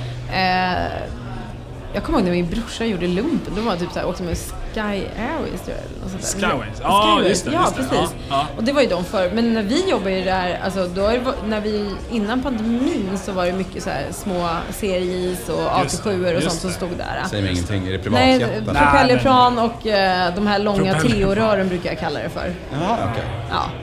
Um, Jag kan visa bild sen. Ja, vi gör att det. lika Men den finns där, men är den, är den i bruk? Nej, Nej. inte vad jag vet än så länge Nej. så är den Nej. inte i bruk. Men eh, det kommer väl och det, det skulle också underlätta så såklart. Ja, Men såklart. alltså den är ju ganska behaglig ändå att stå på. Alltså, Så liten. ja. Och så här, att folk inte känner till det, det är det som jag tycker är så kul. Nej men jag vet, Det är det är lite många hemlig, inte... liksom. Ja, den är lite så här. Ja. Jag fick en fråga på parkeringen. Det var så här, Åh, jag ska till terminal 3. Jag bara, eh, då ska du gå höger, den vänster. alltså? Jag vet inte. Men jag tror att det är lite check-in där va? Till terminal 2. Nej, jag vet inte. Jag har, jag har faktiskt ingen koll Nej. så jag ska inte säga Var, det- någonting. var det en killgissning där eller? Det var en riktig En killgissning. riktig killgissning på den. Ja, för mitt svar ja. Ja, där, Ja, att det är lite check-in till terminal 2. Ja, det var definitivt en Det var en killgissning. Ja, var- killgissning. Ja. Och jag väntade, jag tittade på Angelica för att få bekräftelse. Ja. Fick den aldrig. Nej. Ta tillbaka det och säga, jag vet inte. Eller hur? Du sa så här, gå 100 meter rakt fram, plocka upp den tredje stenen till vänster och säg kanelbulle så snabbt du kan 10 gånger utan att avbryta dig själv. Då kommer men hitta den här gubben som frågade, han står ju fortfarande idag och letar. Han bara går runt där fortfarande liksom. Bara, Nej, men jag vet Ja. faktiskt inte. Men den, Nej. alltså, jag har, alltså, vi är väldigt flexibla och vi har ju jobbat väldigt mycket över hela flygplatsen. Så att för oss är det ju liksom egentligen inga problem att röra oss. Så att, det är bara bra att de öppnar flera för att då blir det liksom mer luftigt. Ja. Förhoppningsvis. Såklart. Men du, ja, nej, det, har du lite mer frågor? Nej, faktiskt inte. Nej. Inte för stunden. Vi kommer ju väl antagligen höra lite senare från de här båda två i nästa Jag, säsong. jag får väl ett Ja. sms typ såhär, du jag ska ut och resa snart. Ja, det kommer komma. Det har du faktiskt lovat mig. Nästa gång jag reser så ska jag få VIP-pass. Va? Ja, va? Jag vet jag inte. skickar... Hon- jag, hon- hon- Nu hittar du ju på. jag frågar Angelica kan, varje kan gång vi jag låtsas att jag är lite VIP här? Kan det så här, fatta vinken? Nej, skit Jo, i men det. jag fick... eh, Du hjälpte mig i höst, våras. Hjälpte, jag checkade in dig. Jo, men vi gick ju förbi kö. Vilken Innan det kö? var en kö. Innan det, Rulla- det var ingen hon kö. tog fram rullstolen. Hon körde rullstolsknepet och bara ursäkta, invalido och så. Nej, nej, nej, nu hittar du på. Nej, men, du, nej, men, det, men det var ingen kö. Nej, det var ingen kö. Men du Jag hjälpte hjälpte mig dig check-in för att Ja. jag jobbade i Ja. check-in. Ja. Inte någon säkerhetskö. Nej, jag fick inte ens en prioritetstagg på väskan. Men, eh, Nej, det fick du inte. Nej, jag fick inte.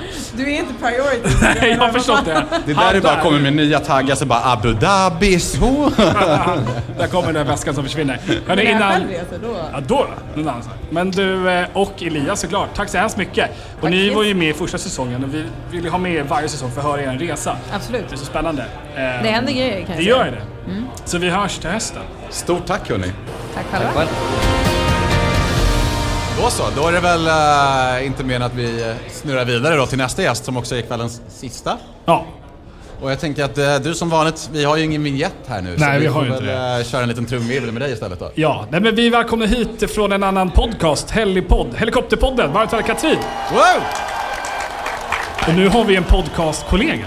Exakt! Så nu kan väl du hålla låda? Ja, exakt. Jättebra. Ja, hej kollegor! Hallå! Hej! Hallå! Varmt välkommen! Tackar, tackar! Du, du har ju egentligen en till med dig. Fast hon är inte här. Nej, Nej. precis. Alltså jag gör ju Helikopterpodden tillsammans med världens grymmaste kvinna, Ja. Anneli Pompe. Nu är inte hon här ikväll, eh, så ni ser att jag krafsar lite på soffan. Jag är så van att hon sitter bredvid mig. Ja. Jag har klappat henne som en katt här. Så. Ja, precis. Men, Lite för eh, lugnets skull. Liksom. Ja, jag har henne med mig ändå på den. Ja. Helt rätt. Ja. Men berätta vem, vem du är för Elias, eller förlåt Elias, nu är jag helt inne i här. Fredrik. Fredrik, du har ingen aning. Som vanligt. det är alltid så. Nej det är men så det blir bäst. berätta Jaha, du är liksom motsvarande Katrin i vårt gäng då helt Är hon, är hon också så här the buffoon idiot som inte kan Nej men det är någonting? jag. Ja. Jaha. Jag är den som Men då är kan. du och jag samma. Ja, jag tror Vad det. kul! Ja. Då styr jag nu då. Ja men det är lika bra. Men berätta gärna, vem är du, var kommer du ifrån och hur startade ni med Helikopterpodden? ja, eh, så jag och Anneli, vi läste PPL ihop och lärde känna varandra via det. Och sen bestämde vi att ja, men det här är ju så kul, det är klart att vi måste flyga som eh, jobb också. Ja. Eh, Så att eh, vi läste också ATPL-teorin ihop. Mm. Och det var under den här perioden som vi också insåg att, eller vi bestämde oss för att göra en helikopterpodd. Och det finns jättemånga anledningar till att den är startad. Och jag kan dra några av dem. Men eh, hur som helst så jag eh, kommer från Örnsköldsvik men bor i Stockholm nu Ja. och eh, är klar med ATPL-teorin. Det är där jag står idag. Och det är en milstolpe bara det.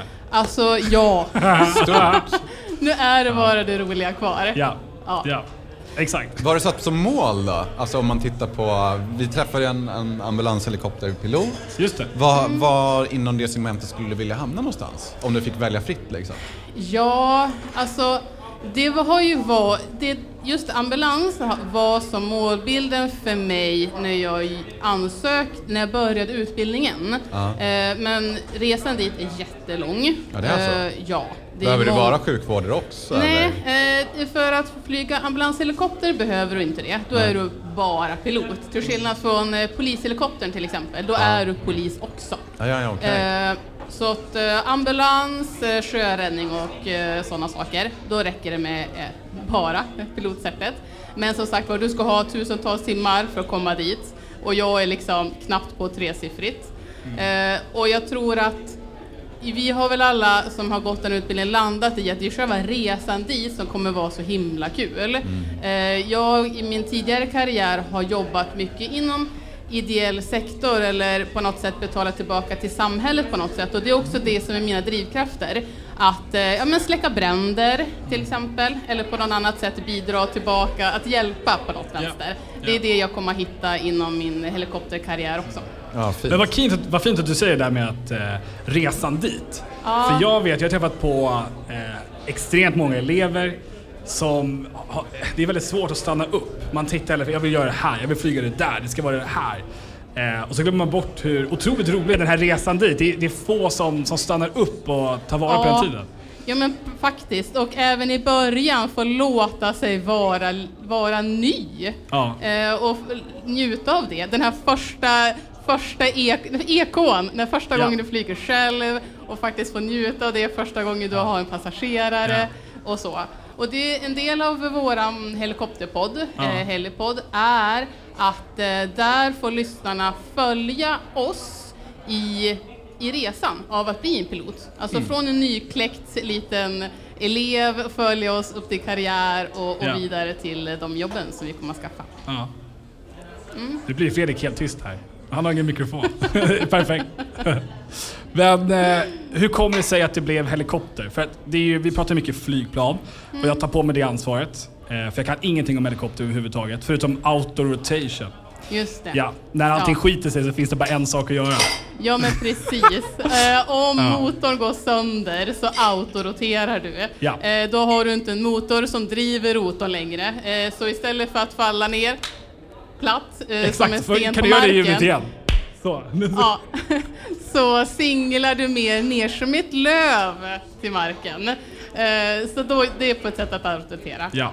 Okej, så det är lite motsvarigheten till det här flyg, så här, glidflyger vid, när motorerna har stannat liksom, eller? Ja, kan du se ett flygplan att som ett vi löv? har- Vi- Nej, men alltså när vi, när vi landade sist så var var det som ett löv, han Ja. inte start. Ja, ja, men du, vi har, vi har eh, två sekunder på att agera. Ah, Ja. Okej, ja, jag tänkte mig direkt såhär Wolf of Wall Street-scenen när han kommer hem och ska landa med helikoptern liksom. Men det var inte så alltså? Nej, eh, inte riktigt. Ah, okej. Eh, det kan gå i gravitationens hastighet ner, men istället för det då så hittar vi en plats, okej, första närmsta lilla plätt i skogen Ja. siktar vi på. Så det är ju den som du ser nere vid fötterna. Ja. Eh, och eh, så försöker du överleva genom att landa där. Häftigt. Jag tänker bara direkt på, det var, jag såg någon dokumentär om några som besteg Mount Everest och så hade det skett en olycka med någon som hade brutit benet och så försökte de ta en helikopter upp till Base Camp. Men liksom, det fanns för lite, alltså luften var för tunn för rotorn liksom, att kunna klara sig hela vägen upp så de fick så här någonstans skjuta sig upp Ja, för att kunna ta sig hela vägen upp och sen så fick de hoppa ner och liksom starta i luften någonstans. Alltså jättekonstigt liksom men det är ju faktiskt en helikopter som har landat på Mount Everest topp. Oj! Ja, Men kan en helikopter flyga så högt upp alltså? eh, nej, Nej. Eh, men det gjorde de ändå. puttade upp den liksom så här, Eh, de, de tömde helikoptern på allt väsentligt. Eh, det var ju bara piloten och han satt väl nästan på en pall om jag har hört det rätt. Okej. Eh, hade med sig en surga- syrgastub, eh, flyger upp, duttar med eh, eh, skidden på toppen och Ja. så outroterar ner. Nej. Shit. Men, Men- nu har han gjort den. För Så det, det- det måste ju vara Guinness världsrekord. Alltså definitivt. Ja, Ja, det verkligen. finns inte så många som för, det är kan väl, det, liksom. nej, men för det är väl 8000 600 någonting ja. Ja, typ. precis. Anneli, hon Anneli skulle ha suttit här. Hon har ju varit uppe på Mount Everest. Nej, är det sant? Så Va? att, eh, hon är ju den som skulle ha berättat allt det här egentligen. Oj, Ja. oj, oj. Häftigt. Mm. Vi har väl såna, vi har såna historier också. Fredrik var i Nice. Ah, jag har missat det. Ja, visst var det? Fredrik, ta den Jag storyn jag ska igen. berätta. Nej, nej nu, nu byter vi samtalsämne. Jag ska inte resa. Jag ska inte resa med dig. Jag ska inte berätta för dig att jag reser. Ja. Jag ska höra av mig till Angelica, möjligtvis Elias. Han kör mig, men du, Ja, nej, okej. du, Nej. nej. du får leva i mörkret Nej. istället. Men hur kommer det sig där med helikopterbiten då? Att det Ja. inte blev flygplan? För det är ju ändå vanligt, vanligast i alla fall. Det är ju precis, de allra flesta blir ju faktiskt flygplanspiloter. Eh, och ja, jag tror friheten eh, var en viktig faktor. Ja. Eh, just att eh, vi kan ju faktiskt landa vart som helst. Ja. Eh, när, när vi hyr en helikopter så landar vi på en liten kobbe och fikar liksom. Eh, det är ju lite svårare med ett flygplan. Sen Landa på så, någons Det är åker exakt- och hoppas att det är okej. och landas liksom. på en åk hoppas det är okej. Och sen så, ja, eh, det är knappt så att jag vågar säga det i det här sammanhanget. Men det är också mycket svårare att flyga helikopter. Det är många flygare här idag Känner vi stigman här inne? Ja, som bara, jag här, kommer få springa härifrån. Det saknas bara så här. Det fi- När jag började lära mig att flyga Ja. så våran eh, instruktör sa att ehm, att lära sig flyga flygplan, det här kan ju ni berätta mer om, men det är om du jämför det som att flyg, kör, lära dig köra bil Mm. eh, så är motsvarig, så motsvarigheten att eh, köra motorcykel, det är, eller det är som att köra en motorcykel på ett hjul, är som att lära sig flyga helikopter. Det Okej. är väldigt, väldigt fin lir liksom. Men hur kan det komma sig? Varför är det sån, sån stor diff liksom? Ja, det är att en helikopter, eh, de, alltså den, den vill ju inte vara still. Nej. Det är alltid någon liten kraft som Parerar, verkar liksom. åt något annat håll. Så det absolut svåraste du kan göra med en helikopter, det är att hovra. Att stå still i luften. För minsta lilla vindpust gör att okej, då händer det massa grejer och sen så ska du motverka det och så ja, upp, ner, fram och tillbaka hela tiden. Häftigt. Eh, så det, det är väldigt svårt. När jag och Anneli satt i vårt studentrum och eh, pratade om teorin och började lära oss flyga så hade vi ett litet knep för att lära oss eh, hålla eh, cyclic, alltså den eh, spaken mellan benen, på, på, rätt, eh, på, hur, på rätt sätt för att eh, lära dig hovra. Då hade vi ett sugrör och på sugröret så hade du en golfboll. Och så ska du lära dig att liksom ha den här golfbollen på sugröret. Nej. Det, Är det det är så? en bra övning. Ja. Och det som är så roligt Så någonstans. små rörelser är det. Det som är så roligt är att så här, jag har sagt till dig att ja, men jag är lite sugen på att skaffa helikopterlicens. Har du sagt det? Ja, det har jag sagt. Jag tror att jag har lyssnat på det. Ja, det är, det är som vanligt. Strunt samma. Jag har i alla fall haft det lite som ett så delmål någonstans i livet. Det är ett så här intresse som har kommit till mig senare, på senare tid. Livskris. Och så kommer du... Ja, det kan man också Ja, kalla det. Ja. eh, ja, absolut. Ja. absolut. Jag Ja. köper den, jag äger upp den. Men och så säger, kommer du och säger att det är jävligt mycket svårare. Fan, då kanske man ska bli nej, istället. nej, alltså. nej, nej, nej. Det är nej, det men du då, säger. Nej, ja, men alltså du, klarar jag det då kommer det inte vara något problem Har du sett min motorik eller? Liksom? Du ser allt som har vält här ikväll är ju för att jag sitter Ja, det är faktiskt sant. Nej. Nej. Då har vi ett helvete i luftrummet, det kan jag Ja, säga. ja. Men alltså okej, om man tittar på det rent praktiska då, eller rent teori då, är det ungefär samma lika som för... Ja, eh, Pilot. det är väldigt mycket likt. Eh, Där det skiljer sig, det är då att vi kanske lär oss lite annat kopplat till själva maskinerna. Eh, Till viss del så behöver vi ha, ni behöver kunna Mac på ett annat sätt än vad vi behöver. Mm. Rotorbladen kan upp, upp, kom, uppnå ett Mac-tal, men vi är liksom inte uppe i de hastigheterna och där Nej. vi behöver lära oss vad som händer när luften komprimeras på det sättet. Ja. Eh, Sen kan jag tycka att det är lite fånigt att vi ska lära oss att flyga storcirklar. Alltså jag kommer ju aldrig ta min helikopter från Norrtälje till LA. Liksom. Ja, ni får, alltså, ni får lära er GNAV. eh, Ja, precis, att så göra Lång navigering. eh. Precis, att Okej, jag ska sitta okej. med kartan och flyga runt jorden. Nej. Alltså, Ja men nu det får ni, kommer nu får det förklara för mig. jag Vadå kom- storcirklar? Ja, ja, ja. Det, låter som du skulle liksom göra en sån här burnout donut fast, i, fast upp i luften. Jag liksom. kan komma med ett Förklara. annat exempel. Ja. Eh, Jag som helikopterpilot, jag ska kunna eh, hur många brandsläckare jag ska ha i min maskin som har plus 20 passagerare. Och nu är det upp eh, Det finns ingen helikopter som har mer än 20 passagerare. Jag ska ändå kunna hur många brandsläckare man ska ha vid 150, 200 och så vidare passagerare. Eller våran, eh, våra, vårt crew. När, vart så här, vill säga du. Ja. Ja men precis, det- är jag. jag Ja. kommer ju aldrig, ja, jag kommer inte ha någon, vad heter det? Så det är lite skevt där liksom i... Ja, Ja. Det, men jag kan, alltså det är ju intressanta ämnen, så det är ju inte det. Det är mest att det, det är lite, jag kan fatta också att det är lite svårt att hitta Ja. en, en drag, dra en gräns. Ja. Liksom. Men det är intressant det du säger med, med eh, långnavigeringen, om vi döper till Mm. det. Korsa Atlanten och sådär. Den, det man lär sig idag, det är ju inte applicerbart. Inte ens på fixed wing, alltså flygplan. Nej. Det är ju så gammal teknik, men då är det så här, det har alltid varit så, det är så här man ska Ja. veta om allting skiter sig. Det är full fart bakåt Ja. eh, i den utvecklingen Ja, men när man lite så är läser det. teorin. Lite ja. så är det. Men jag tror Fredrik att det kommer gå land för dig ändå. Du kommer klara det. Ja, då. Du, ser lyssna på Helikopterpodden. Ja. Där kommer vi med många tips och tricks. Tänk om jag eh, kanske lämnar klara. Flygarpodden nu och kommer gå med i Helikopterpodden istället. Vi allihopa går över till helikopterpodden. Oj! Ja, jag och Anneli vi har så roligt så att ni vill säkert vara med också. Ja, vad roligt. Nej, Men vi om kan- man vill lyssna då, då hittar man det på uh, Spotify? Ja, på alla ställen man Ja. hittar en podd. Ja. Eh, och sen vårt Instagramkonto, Helipodgirls, Ja. eh, kan man också hitta bilder där, Ja. vår, där vi gör våra äventyr. Vi blir åker till olika länder, flyger helikopter och sådär. Roligt. Vad häftigt. Och vi ska ju köra lite i höst. Ja, Så att ni ska ju komma, Anneli också, till, till oss i Stockholm, så kör vi ett avsnitt. Jag ska komma till er också. Ta med, med mig den här killen också. Ja, men gärna. Ja, han behöver rastas. Han behöver inte resa så han kan prata om någonting annat än Niss. ja, exakt. Det roligaste också, det ro, absolut roligaste är att han var i Cypern några veckor innan. Men Ja. det vill han inte prata om. Nej. Nej. Nej. Det var ändå där. Nej, det är lite Men- intressant att säga här. Ja.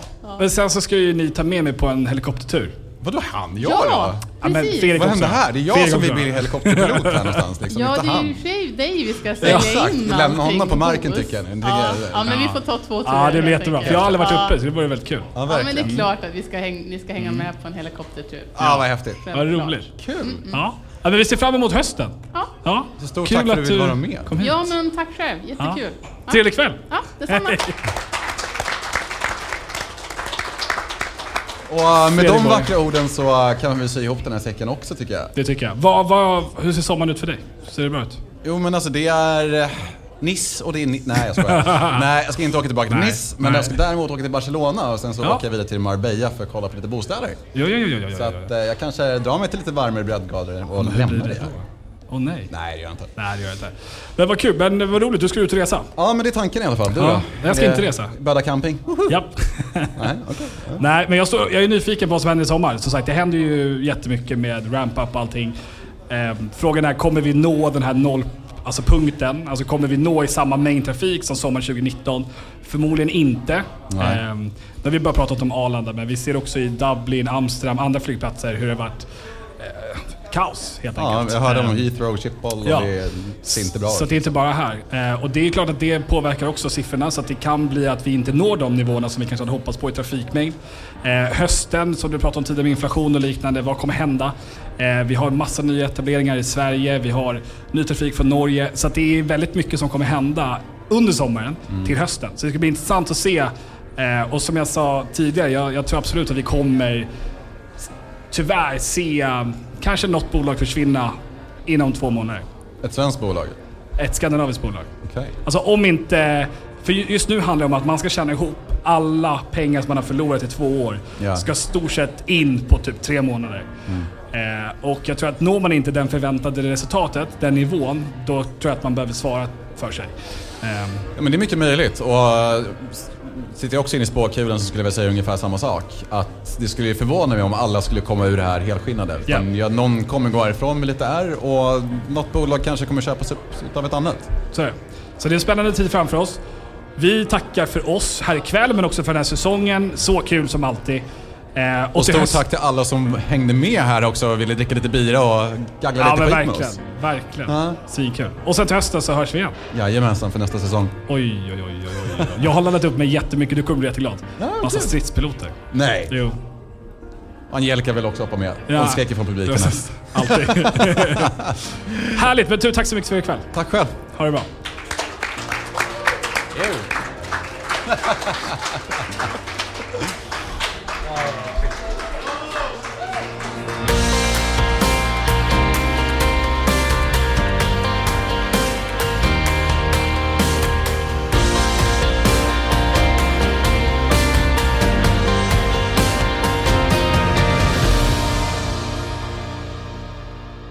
Hej! Alex här från Flygarpodden igen. Förlåt att vi avbryter mitt i.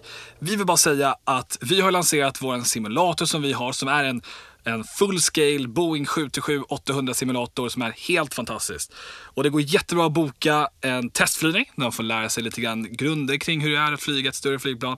Men det passar också fantastiskt för dig som är pilot idag och som ska förbereda dig inför en pilotintervju till exempel. Vi har de flesta scenarierna som flygbolagen faktiskt använder sig av. Så vill man någonstans lite komma väl förberedd, ja då rekommenderar jag att du kommer och bokar en timme eller två hos oss. Och det gör man via aviators.se shop så hittar du allting som du kan tänkas behövas där.